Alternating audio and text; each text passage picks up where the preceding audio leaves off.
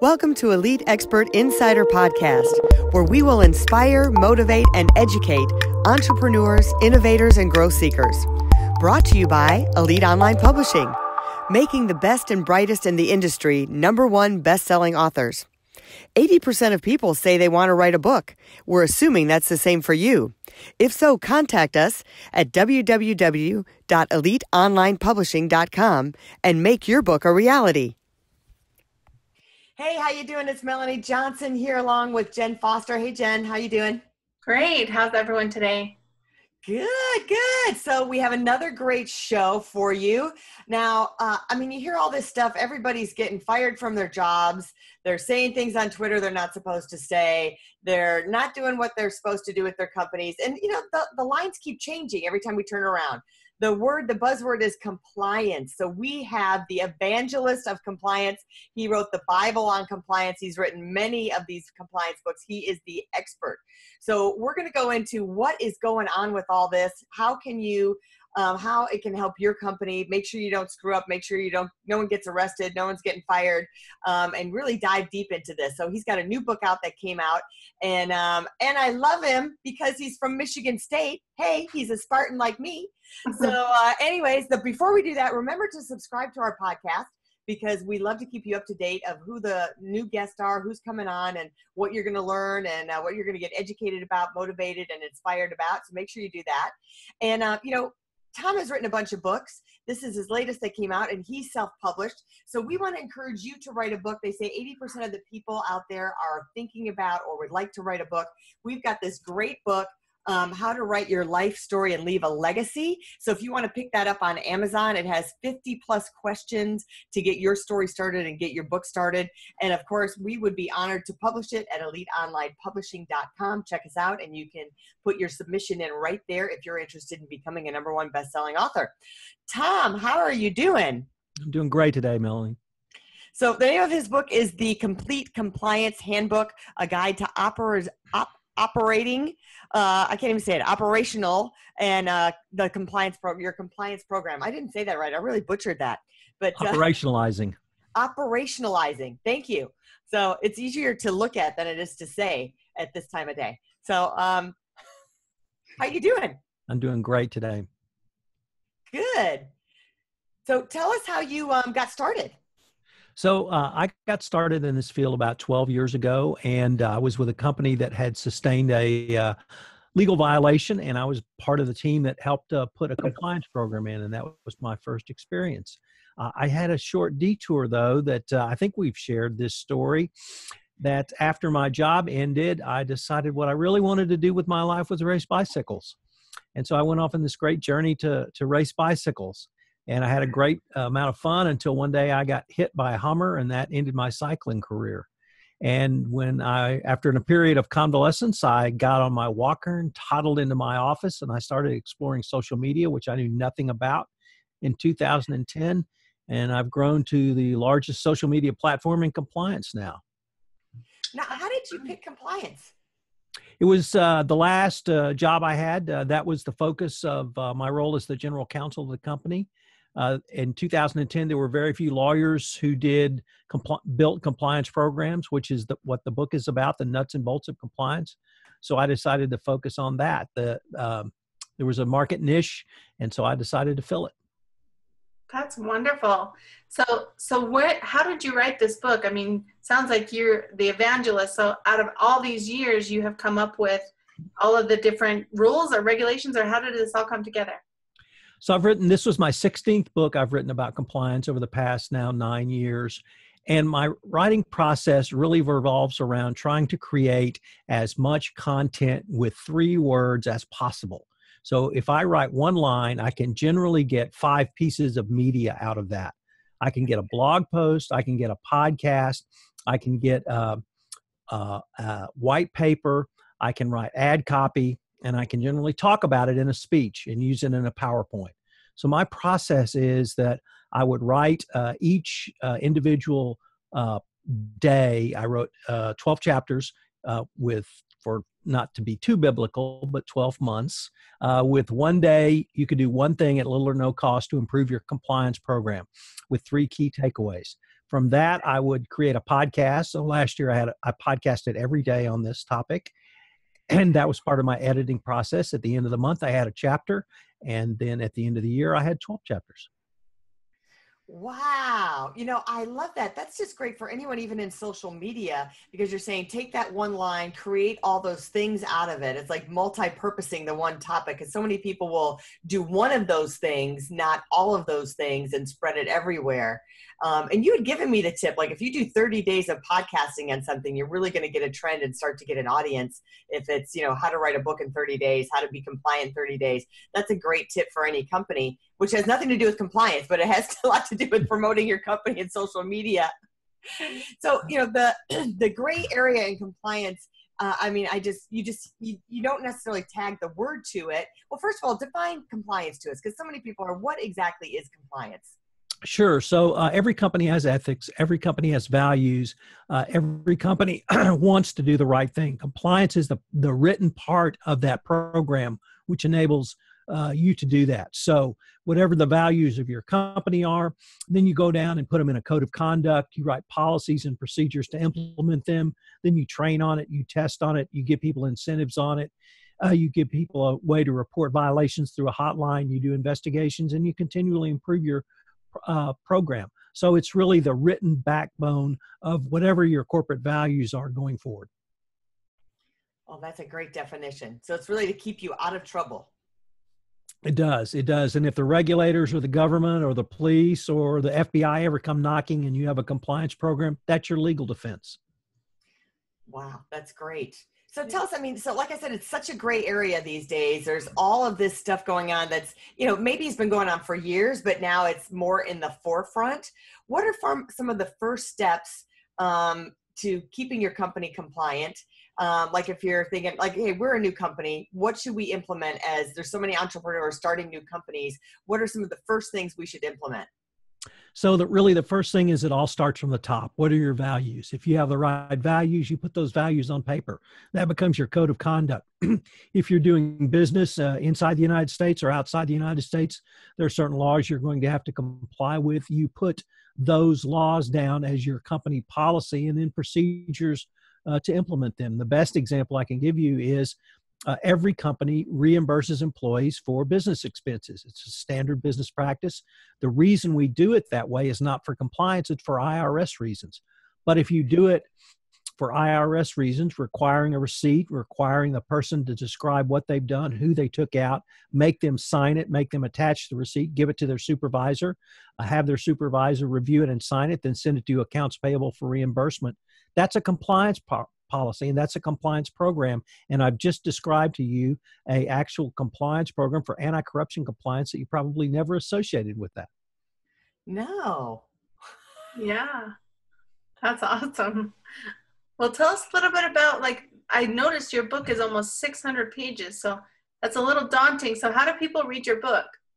So, uh, I wanted to write really one volume that encompassed everything. And uh, you're right on the podcast theme. That gave me the idea of 31 days to a better compliance program. And as a side, if you want to grow your uh, podcast or you start a new want to start a new one, it's a great way to get your name out there. But the first chapter is 31 days, which I literally give you 31 different things you can do that month to improve your compliance program.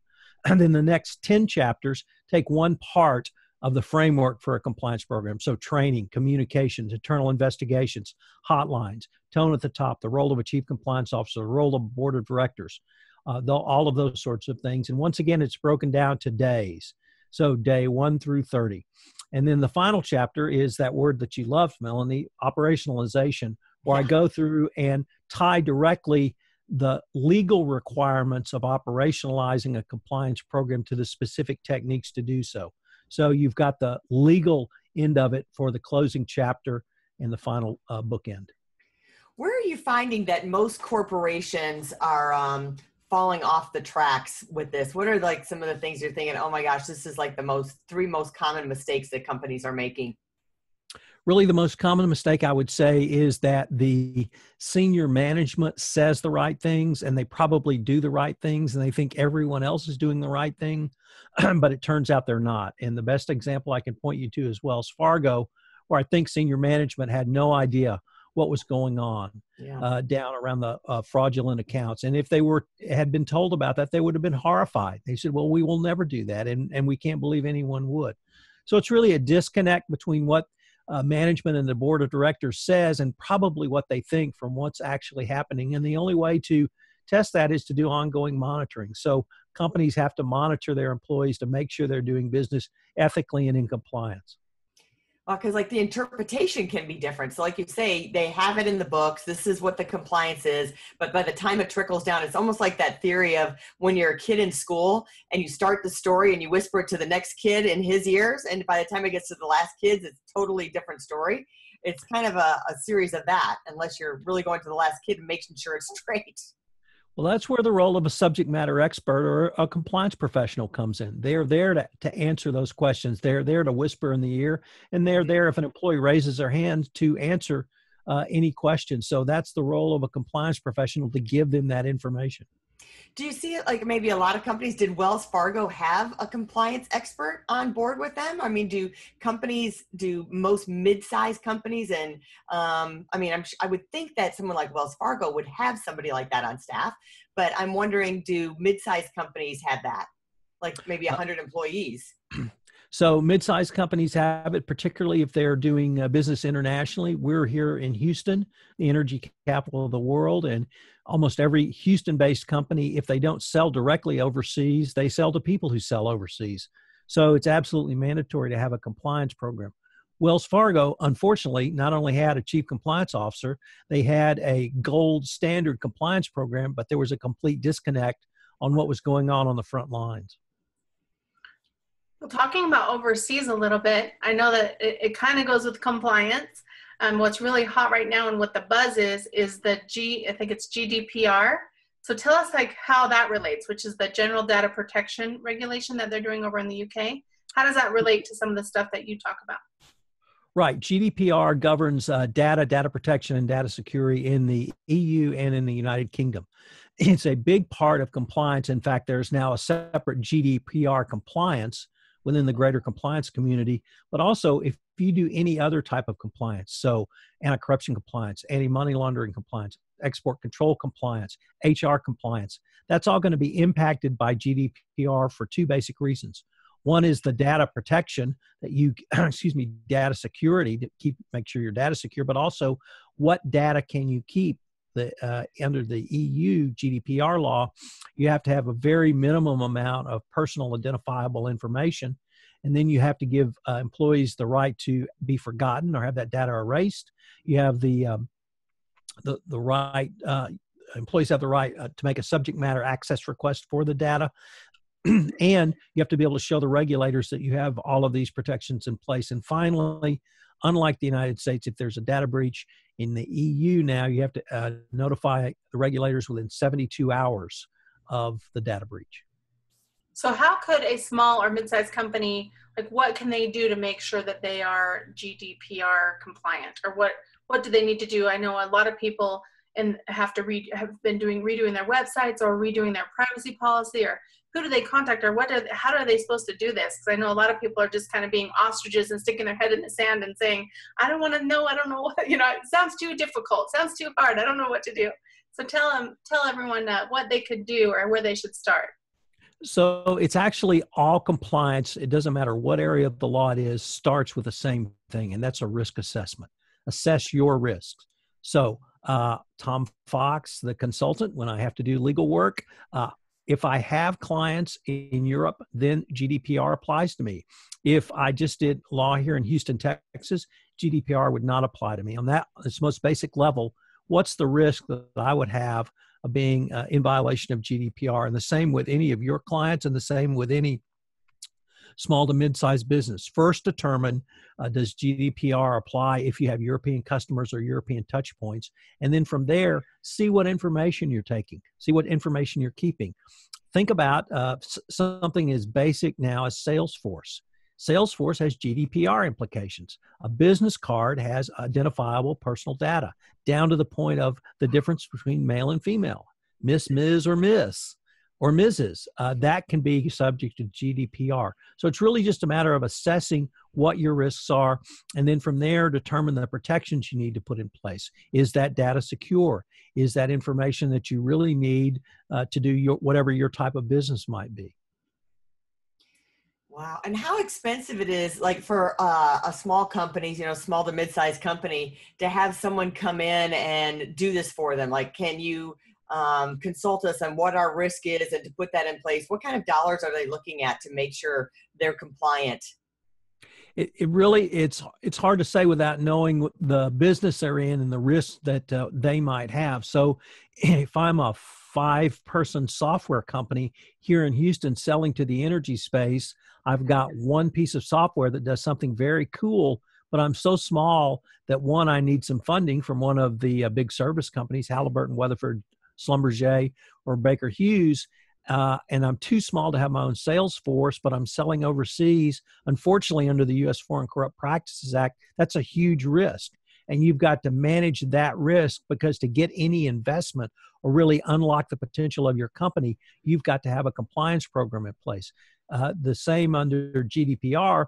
If I'm a, a business to business, I may have very little GDPR risk. But if I'm marketing or, or, even talking to consumers in Europe and taking their information just to sign up for my website, then I've got a GDPR risk I need to manage. Well, I mean, do you think that some of this is going to shut down some businesses?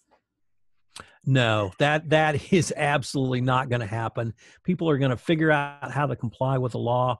Uh, it is going to be a, a journey. It's going to be um, take some time. But here's the thing about compliance: that the companies that win the world's most ethical business awards, which has been given now annually for 15 years, they are four times more profitable than the average S&P company.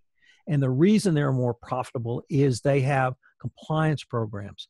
And that is because compliance is essentially internal controls. Remember that example I gave you of the uh, gifts, uh, excuse me, the uh, employee reimbursement form? Mm-hmm. That's an internal control you don't think of it as an internal control and you certainly don't think of it as a compliance control but if you didn't have that control in place employees could cheat much more easily on their expense accounts and make you less profitable so by having a robust financial internal control system that operates as a compliance control system which makes you more efficient and i advocate at the end of the day more profitable yeah. I would say, you know, uh, us entrepreneurs, we're like, let's just do it. Let's go make it work, put it up there, and let's start selling it. And we want to go to the fun stuff.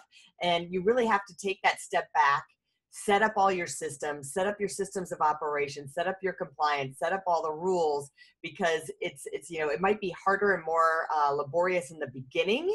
But if you do that from the beginning, then you're going to have a much easier time on the back end and you're going to mitigate a lot of risk that you could be taking otherwise like that's that's one of the keywords is just the compliance helps you mitigate any risk or legal action or wrongs that could really harm your company and take you down so let me break that down into both legal and business reasons. First of all on the legal side you have to document whatever you do. The three most important words in compliance are document document document. The reason is if you don't document in the regulator's eyes it never happened. So if you went through every one of those steps in your head and didn't document them a regulator would say you never did them. That's the legal defense. But on the business side if you've done those that documentation if you put those steps even on paper you're now ready to scale up and you can scale up much more quickly much more fast mm-hmm. faster and much more efficiently if you do have that right idea and are ready to move to the next level for your company that's a great point because that's one of the big questions of entrepreneurs. How do I scale my business? How do I scale my business? We ask that um, of ourselves all the time. Like if you know we want to take on even more clients, what do we have to have in place? Some of it is systems of operations, but you don't always take a step back on you know the legal procedures, and it's really everything. It's um, like that architectural plan that's such a good point that I think so many of us don't um, make that plan so you can scale. So scalability means make a plan, entrepreneurs. Hear that loud and clear. I think that's so important that uh, that we all do that. All right, I want to take a minute because um, you've written 16 books. Oh my gosh. so we think that you know jen and i we're both she's uh, 11 time bestseller i'm 10 time bestseller but your books are like 554 pages it takes it to a whole new level and just by the way so if you're a company this is not a a book you buy for uh, 10 bucks or 19 bucks on Amazon. This book is $395 because it's for your corporation. It's going to save you thousands, maybe millions of dollars if you read this book. And so that's what I think it's geared for. But I want you to walk us through why you write the books, what it does for your business, uh, being an author, and how you use it for um, your business. So, being an author is the absolute best business card you can ever have. There is nothing more impressive than the first time you meet a client or prospective client, a colleague, anyone. You say, Here, let me show you a copy of my book. Let me give you a copy of my book. Can I sign for you a copy of my book? There is nothing I think that is more impressive than that. If you go to a meeting, cold call, if you go to a meeting because you've been asked to attend, if you're responding to a request for proposal that you pulled out of the air, if you send a copy of your book with that, you have instant credibility. I, and I can't emphasize that enough. To, to put down on paper that you are a subject matter expert first tells uh, several things. First of all, it communicates that you are a subject matter expert. Two, it communicates you've got the stick to itness to follow through on that project and get it completed. Uh, and three, it actually makes you a better subject matter expert because you have to learn and research. Uh, even if you know everything, putting it on paper, I think, makes you more articulate and it gives you the ability to discuss uh, more directly the concept that you have in your book. So I cannot emphasize that enough. I, I read that on your website. I've heard you say that, and you are 1010% correct, not even 110% correct.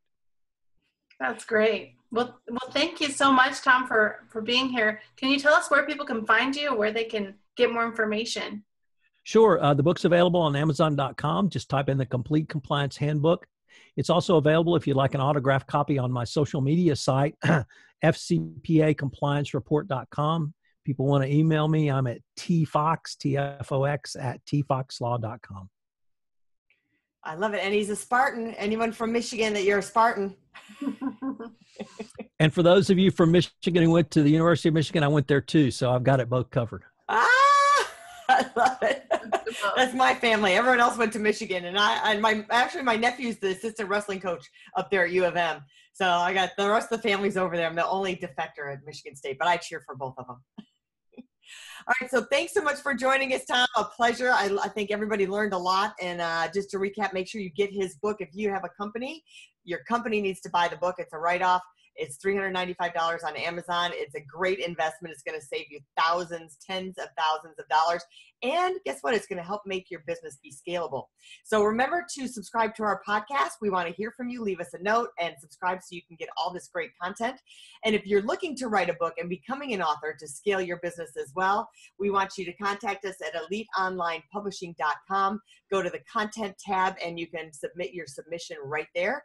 And uh, we'll see if you're a good fit for us. So we look forward to seeing you then. And if you want to pick up our book, um, How to Write Your Life Story and Leave a Legacy, it's a great way to start your story, whether it's for business or for personal. Pick it up on Amazon.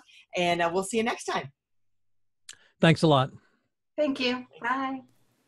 If you'd like to create the most powerful advertising tool for your business, contact us at eliteonlinepublishing.com, where we will help you create publish, and make your book a number one bestseller, and show you how to get new leads and more revenue for your business. If you'd like to check us out on our Facebook page, we have a free book for you as our gift. Just go and click free book. Remember to subscribe and leave a comment for our podcast. We would love to hear from you.